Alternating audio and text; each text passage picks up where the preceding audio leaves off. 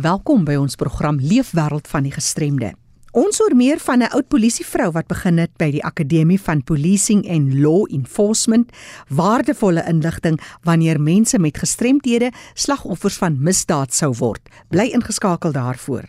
En later hoor ons van ons paralimpiese atleet Lozaan Kutse, haar lewe en van die ander sportaktiwiteite waarin hierdie 28-jarige blinde atleet deelneem. Maar nou eers 'n paar brokkies inligting.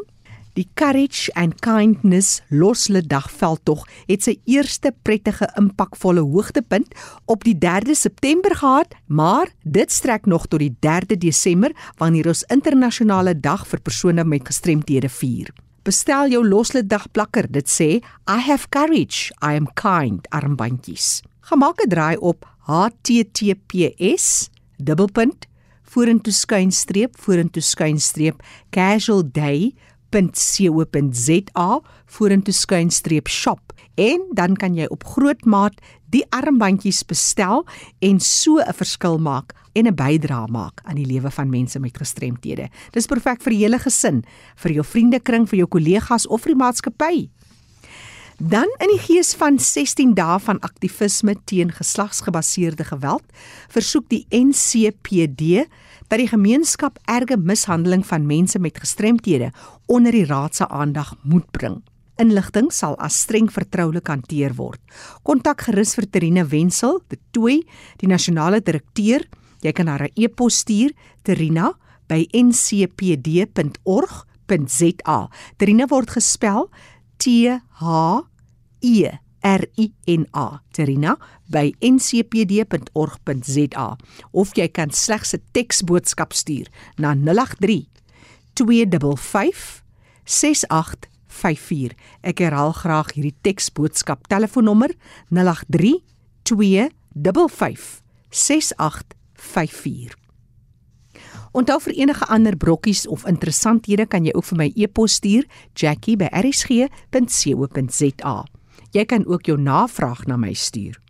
En nou sluit ons aan by kollega Fanie De Tooy in die Kaap. Baie dankie Jackie. Ek gesels vandag met Janet Smit.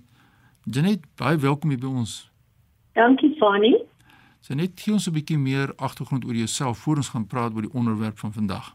Fanie, ja, ek het my loopbaan as 'n uh, polisievrou in die Suid-Afrikaanse polisie begin en so vir 7 jaar was ek betrokke by die polisie En daarna het ek oorgegaan na die akademie en van 1987 is ek betrokke by die akademie waar ek betrokke is by formele kwalifikasies wat ons aanbied vir die Suid-Afrikaanse polisie en hulle lede om grade en diplomas te te behaal. Ek is hoof van 'n skool.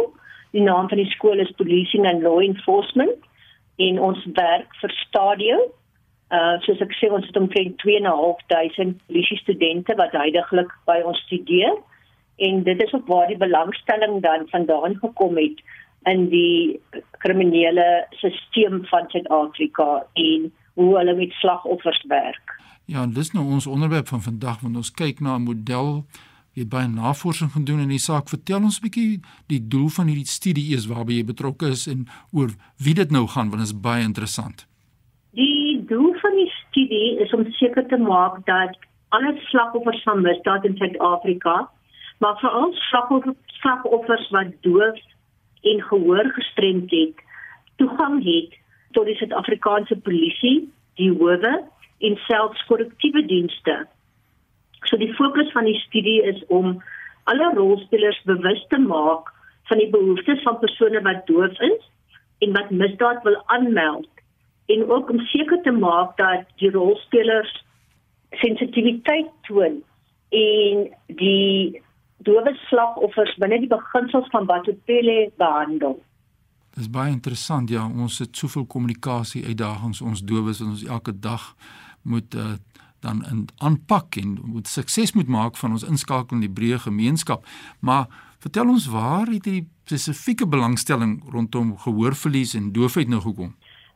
Afgelope 6 jaar uh, verskeie koerantberigte gelees waar dowe persone slagoffers geword het van misdaad weens al hulle weerloosheid om hulle self te verdedig. Dit het my laat wonder oor hulle toegang tot regverdige behandeling binne die regspegingsstelsel.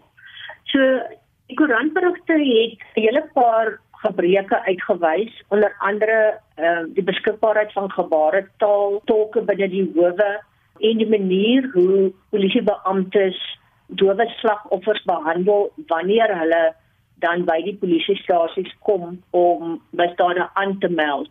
Die gebrek, 'n gebrek wat uitgekom het is dat wanneer die saak wel by 'n hof uitkom, is daar nie noodwendig 'n um, vertaler of 'n vertolker om die dowe slagoffer te help binne die hofprosedure en dan word die saak onnodig uitgestel en soms van die rol geskraap.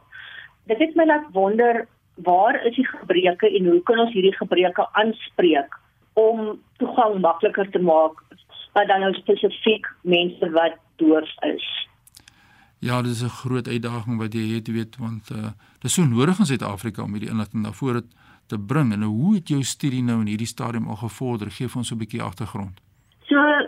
Reeds onderhoude gevoer met al die rolspelers en die beleidsmakers binne die polisie by die howe en gister het ek die laaste onderhoud gedoen met korrektiewe dienste. Ek het reeds ook onderhoude gevoer met 'n paar nie regeringsinstansies En die doel van hierdie onderhoude was om te bepaal watter tipe wetgewing en dienste heidaglik beskikbaar is um vir slagoffers van misdaad wat doof of gehoor gestremd is. So dit is baie interessant om nou al reeds te kan sien op hierdie vroeë stadium dat daar baie goeie wetgewing is, maar dat dit die implementering en die toepassing van die wetgewing is wat problematies is en dan ook ehm um, sensitiwiteitsopleiding en bewusmaking van die implementering van hierdie wette en hoe dit tot voordeel van mense wat doof is kan strek.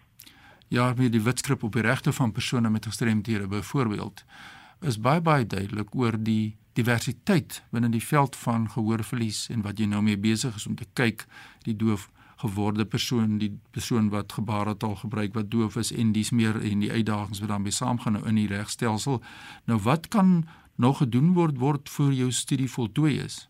Omdat die Suid-Afrikaanse polisie nie statistiek byhou van hoeveel slagoffers doof is wat misdaad kom aanmeld of hoorende mense wat doof geword het as gevolg van misdaad nie, is dit baie moeilik om inligting uit hulle te kry of uit spesifiek uit die polisie te kry en dan 'n uh, vraelys aan die dowe gemeenskap te versprei. So ek het 'n reeds 'n vraelys saamgestel en met 'n video wat in gebaretaal um ontwikkel is. Die grootste tekortkoming wat ek nou het is om hierdie vraelys by dowe slagoffers uit te kry. Uh, ek weet nie waar hulle in Suid-Afrika is nie. Ek weet nie hoeveel al misdaad aangemeld is nie. Ja. So dit is die doel van die uh, res van die studie. Nou watse tipe antwoorde kan jy nou vir ons luisteraars deurgee? So die belangrikste vraag is of hulle wel die misdaad aangemeld het en dan 'n saaknommer vir my kan gee en dan kan ek die saak opvolg met die polisie. En indien hulle dit aangemeld het, watter tipe probleme het hulle by die stasie gevind? Was was hulle gehelp? Ehm uh, was daar 'n tolk beskikbaar? Die volgende is dat indien hulle dit nie aangemeld het nie, wat die redes daarvoor sou wees. As mens gaan na die howe, die vraag sal wees, was daar 'n tolk gereël? Was hulle gemaklik gemaak binne die stelsel om wel getuienis te lewer um, in gebaretaal? en hierdie hof hulle getuienis aanvaar. Dan die verdere kwessie wat wat binne Suid-Afrika plaasvind vir gewone slagoffers is ondersteuning van sielkundige dienste op ontlonting. Ehm um, so die vraag is is daar dienste beskikbaar met gebaretaal vir dowe slagoffers om sielkundige hulp of ondersteuning te kry wanneer hulle wel slagoffer van misdaad word? Baie goeie vrae. Ek kan net iets byvoeg van my kant as 'n doewe persoon of gehoor gestremd was, ook natuurlik die kommunikasie rondom daardie groep in howe byvoorbeeld, jy weet, is dit beperkte toerusting wat daar beskikbaar is en dis meer so sal interessant wees as 'n mens ook kan kyk wat is die terugvoer daar van mense wat nou nie gebaretaal gebruik maar wat ook doof is. So wonderlike vrae wat jy het. Hoop die gemeenskap gaan vir ons help in hierdie verband. Ek gesels met Janet Smit en sy doen hierdie wonderlike werk om te kyk hoe om die regstelsel toeganklik te kry vir mense met gehoorverlies. Nou kan hierdie program dan moontlik ook ander mense help om te voorkom dat so iets gebeur. Hoe voel jy? so Fanny, ek dink dit sou wonderlik wees as slagoffers dit direk met my kan kontak maak en ek hoop dat ehm um, as ek die uitslae van die hele navorsing het, dit kan terugvoer gee aan die polisie, die howe en korrektiewe dienste en dat die nodige aanpassings binne die stelsel gemaak sal word. 'n Verdere tekortkoming wat ons het in Suid-Afrika is dat die misdaadvoorkomingsstrategie uh gefokus is op normale mense as so daar moet ook 'n aanpassing kom in die manier wat ons vir gehoorgestremdes sê hoe om voorkomend op te tree om te verhoed dat hulle 'n slagoffer van misdaad word. Is daar so laaste boodskap hier terwyl ons nou die saamvat hierdie gesprek wat jy het aan die breë gemeenskap wil deurgee voor ons jou kontak besonderhede gee want natuurlik uiters belangrik is dat mense met jou moet skakel en hierdie jou help in hierdie studie en navraag wat jy het soos ek vroeër gesê het, ons het verskriklike goeie wetgewing, maar dit gaan oor die implementering en as dit enigstens een persoon kan help, dan sou ek in my doel geslaag het. Absoluut. Ek stem saam met jou. Ons het die wonderlike wetgewing, ons het die Pepuda waarvan ons baie keer praat in hierdie program wat ons moet seker maak dat daar nie teen enige iemand persoon gediskrimineer word op grond van sy of haar gestremdheid nie, maar ons moet hierdie saak deurvoer en dis wat jy nou besig om te doen. Sê vir ons waar kan mense jou in die hande kry as hulle navraag het oor hierdie saak of net vir jou wil ondersteun dat ons die regte boodskap by die owerhede kan uitkry. Van julle is welkom om vir my 'n e-pos te stuur. Jesmit @ sbs.ac.za.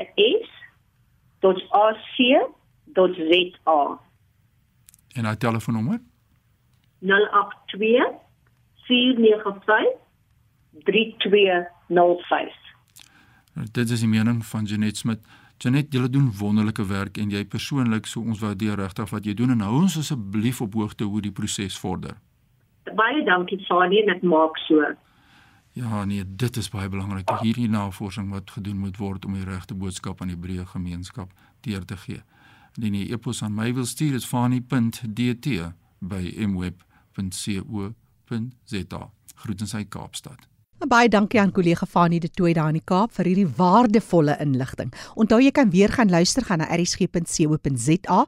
Die program is beskikbaar as 'n potgooi. En nou is dit my wonderlike voorreg om te gesels met 'n babbelende jong volwassene. Dis Luzan Kutse. Luzan, dis so lekker en baie mense ken jou geskiedenis en baie wonder wie's Luzan nou weer. Maar vertel ons baie kortliks, wie is hierdie paralimpiese atleet? Vertel ons eers van geboorte. Jy's blind gebore. Hi Jackie, ag baie dankie. Dis baie lekker vir my om saam met jou te kuier. Dit is 'n groot voorreg op julle program te kan wees. My naam is Lizaan Kutse. Ek is blindgebore. Ek het Webers amirose wat basies beteken dat my retina tydens die swangerskap van my ma nie reg ontwikkel het nie. Ek kon 'n bietjie beter sien toe ek klein was, maar tans het ek net lig en donker perspeksie. Ek is al 28 jaar blind en ek laat dit my glad nie terughou nie. Ja, nee, ons kom dit agter dat dit jou nie terughou nie. Gee vir ons 'n wye sprong, jy het skoolloopbaan gedoen en toe eindig jy by die Universiteit van die Vrystaat. Ja, ek het um, by Pionierskool in Woester gematrikuleer in 2011 en toe ek in 2012 kom swat by die Universiteit van die Vrystaat. Ek het kommunikasiekunde voorgraad gedoen. Ek werk ook tans by die universiteit. En die liefde as 'n koshuisbestuurder. As 'n koshuisbestuurder. En en Luzaan, die liefde het jou ook besoek. Vertel ons van die liefde in jou lewe. ja, ek is bevoorreg om 'n eh, om ook 'n kerel te hê. Ehm um, hy is 'n video en audio technician en ek en hy ken mekaar nou al so 4 jaar en ehm um, ons gaan nou so 2 of 3 jaar uit van daai. Mm. Nou Lizaan, jy het 'n paar baie diep verhoudings met lewende wesens onder andere jou gidshond, jou gids wat saam met jou hardloop. Maar voor dit vertel ons eers net so 'n bietjie kortliks oor familielewe. Is jy broers en susters, jou ma en jou pa? Ja, my ma en my pa is nog altyd lewendig. God dank en genadiglik. Ehm um, hmm. my ma 'n onderwyseres en my pa 'n boer net buite Bloemfontein, so ek is lekker naby aan hulle. En ek het ook 'n jonger sussie, sy is in Kimberley. Sy is 'n veeartsverpleegster daar uh, jou oogkondisie, dis nie oorerflik nie nie. Dit is nou maar een van daai goed wat gebeur het. Dit is nie oorerflik vir enigstens vir my kinders nie. Dit was maar omdat my ma en my pa is resessiewe draers van 'n geen wat dit mm. veroorsaak het. So my suster, sy kan heeltemal sien. Uh ons het nou gepraat van jou verhoudings. Jy het 'n baie spesiale verhouding met jou veral jou gids met wie jy saam hardloop. Want Lozaan, jy het wonderlike hoogtepunte. Jy's 'n paralimpiese atleet. Jy het was dit in 2018 wat jy die wêreldrekord gebreek het. Vertel ons 'n bietjie van daai hoogtepunte en hoe spesiaal dit is vir jou. Ja, my gidse speel 'n baie groot rol in my lewe. Hulle is werklik soos jy sê, jy weet, baie spesiale mense vir my. Ja, en ek het in 2018 was ek bevoorreg om die wêreldrekord te breek vir die 5000 meter vir totale blinde vroue. En ook daai jaar het ek by die Berlyn maraton in Duitsland toevallig dieselfde plek as waar ek die wêreldrekord gebreek het, het die Afrika rekord in die maraton gebreek en ja, hierdie jaar was ek bevoorreg genoeg om te kon Tokyo spele toe gaan waar ek die wêreldrekord in die maraton gebreek het en en ja, daarom teruggestap het met 'n silwer en 'n bronsmedalje. So ek dink dit was groot voorreg en dit was baie lekker. Ja, dis fantasties. Het jy altyd maar gehardloop? Ek meen, as blinde dogtertjie, hoe het jy met hierdie by die liefde gekom van hardloop? Glad nie hoor. Ek het eintlik eers toevallig op universiteit het ek ingeskryf vir 'n eerstejaars atletiek byeenkoms en toe na dit het my met my liefde vir eintlik regtig begin. Ek was eintlik maar half meer soos hulle sê 'n kultuurkoekie op skool. Ehm um, ek het nie veel gehardloop nie. Ek was meer 'n rasieleier as enigiets anders by op die atletiekveld. Ehm um, so ja, my liefde vir hardloop het eintlik nogal laat in my lewe begin. En vertel ons van jy's nou die hardloper, maar eintlik kan jy mos nie hardloop sonder jou gidse nie. Is dit dieselfde persoon of het jy 'n paar gidse? Hoe werk dit? Ek kan definitief nie hulle hardloop nie. Ek het twee gidse. Ek het een vir pad en dan een vir baan. My gids vir baan is Erasmus Badenhorst en dan my padgids is Klaus Kemp en Klaus het al uh, ek dink 14 komritte gehardloop ja. en ek dink 8 of 7 ultra ocean. So hy's nogal 'n ervare padatleet. Ek stap die journey saam met hulle. En hardloop julle maar altyd op gelyktes of hoe oefen julle? Is ja, jy bietjie baanwerk, maar ja. ons doen ook definitief 'n bietjie meer, jy weet, landloperige tipe werk mm. as dit landloopseisoen is. Ek is nie bang om op rowwe terrein te hardloop nie. Ek dink eintlik dit is goed vir 'n mens. Ja. Uh jy weet vir die vertrouensverhouding, maar ook vir 'n mens daai stabilizing spiere en al daai dinge. Ons hardloop op eintlik maar enige terrein, hoor. Dis Lizaan Kutse wat vandag met ons deel en vir ons 'n kykie gee in haar leefwêreld. Lizaan, ons is trots op jou as paralimpiese atleet regtig. Dit is so 'n warm Ay, gevoel en ek is seker jy voel dit van mede-Suid-Afrikaners nie.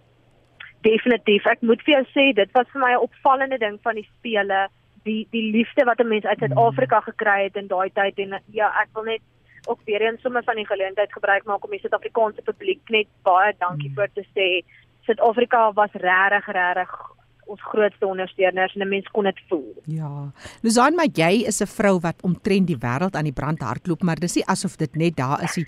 Toeloop, ry jy nou nog fiets ook? Is dit nou 'n hele ander gids wat jou dan saam met jou fiets ry? Nee, ek het fiets gery saam met ehm um, Erasmus wat my baangids is vir die atletiek in Tokio. Toe sê ek vir my, "Jene, jy kan vir baie dalk fietsry en toe ehm um, sê hy vir my kom ons doen dit. Mm. En toe skryf dit in. Mm. Uh en toe ry ons vir gids in Suid-Afrika. Dit was eintlik dit was regtig lekker. Nou dis nou so 'n week gelede wat jy gery het. 94.7 ja. km wat gery moes word. Hoe was die ervaring? Ja. Dit moet seker maar gedoen wees. Jy weet om dit net te voltooi is al klaar. Uh baanbrekers werk vir baie van ons of om deel te neem, moet ek sê.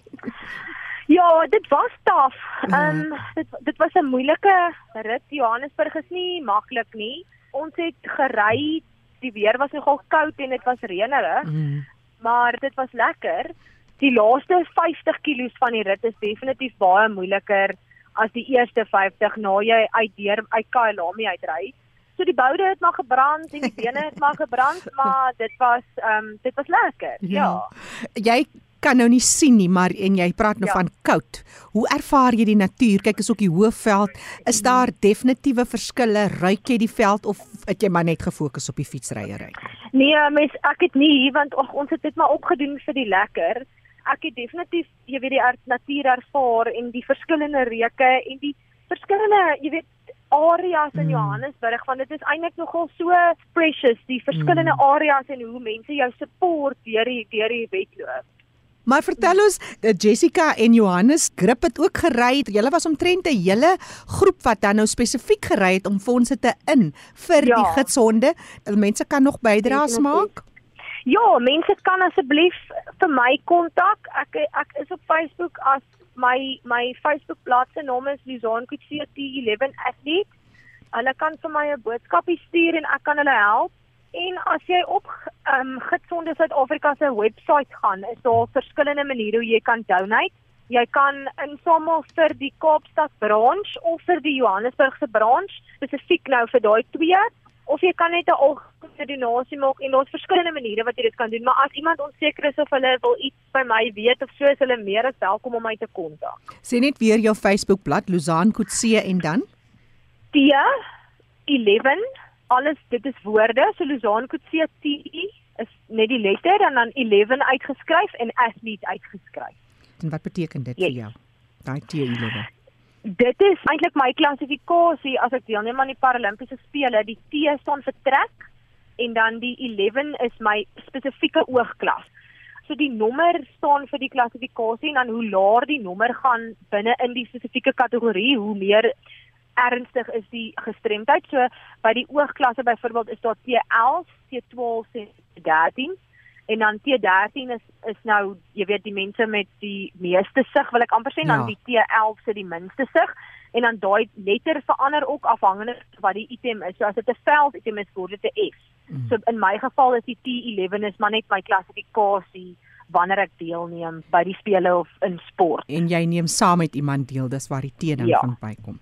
Interessant. Ja. Baie dankie Lozaan. En vir mense wat met jou wil gesels, so hulle kan op Facebook gaan, Lozaan Kutse T11 athlete is in Engels of gaan maak 'n draai op die webtuiste www.guidedark.org.za. En ons het gehoor van Johannes en sy vrou Jessica Grip wat ook deelgeneem het aan hierdie nasionale fietsresies en hulle het vir my 'n stemboodskapie gestuur net nadat hulle die wedren voltooi het. Middag Jackie, ons is nou terug hier by ons beginpunt. Ons het suksesvol die resies voltooi.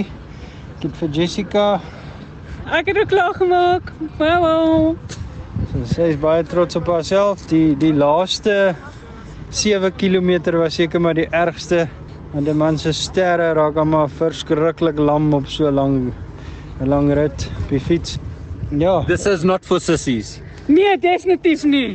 dit, dit is Donovan daar en hy sê dis nie vir sissies nie, hy's heeltemal reg. Alex. Ja. Team manager.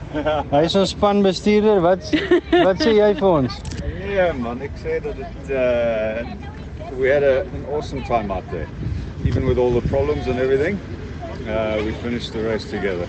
That's the important thing. We got our money's worth. Yes. Yay! Hi Jackie, dan wil ek net graag byvoeg, die die hele gees van die resies was net absoluut fantasties. Die publiek wat daar langs die pad vir jou staan en aanmoedig, dit bring regtig die Johannesburg gemeenskap bymekaar. Dit dit dit is dis baie groot ek hoor dat as jy nou vinnig gery het en jy het nou probeer om die resies te wen, dan mis jy nou uit op al hierdie lekker dinge van die waterpunte en die publiek wat vir jou aanmoedig en also aan. En ek het selfs in een van my ou kollegas vasgery op die resies. Dit was nogal baie nice. As ek nou reg geluister het, is daar iets soos 12000 inskrywings gewees. Dit was 'n groot resies en soos Donovan sê, dit is nie vir sissies nie. Ek dis Jessica wat daar praat. Ons hoop maar net vir die fondsinsameling vir gidshonde Dis Johannes wat daar vertel en sy vrou Jessica in die agtergrond. Johannes en Jessica Grip. En soos ons nou gehoor het van Luzaan Kutse, ons paralimpiese atleet, sy het ook deelgeneem aan hierdie nasionale fietsresies. Gemaak 'n draai op www.guidedog.org.za. Daar's verskeie maniere om bydra te maak of sommer net te lees oor hulle aktiwiteite. Jy kan ook op Luzaan Kutse se Facebookblad 'n draai maak. Dis Luzaan Kutse T11 athlete. Die program Leefwêreld van die Gestremdes beskikbaar as 'n potgooi gaan na erisg.co.za. Jy kan weer gaan luister. Klik net op 11 vir Leefwêreld van die Gestremde met vandag se datum. Die program word saamgestel en aangebied deur Fanie De Tooy en ek is Jackie January.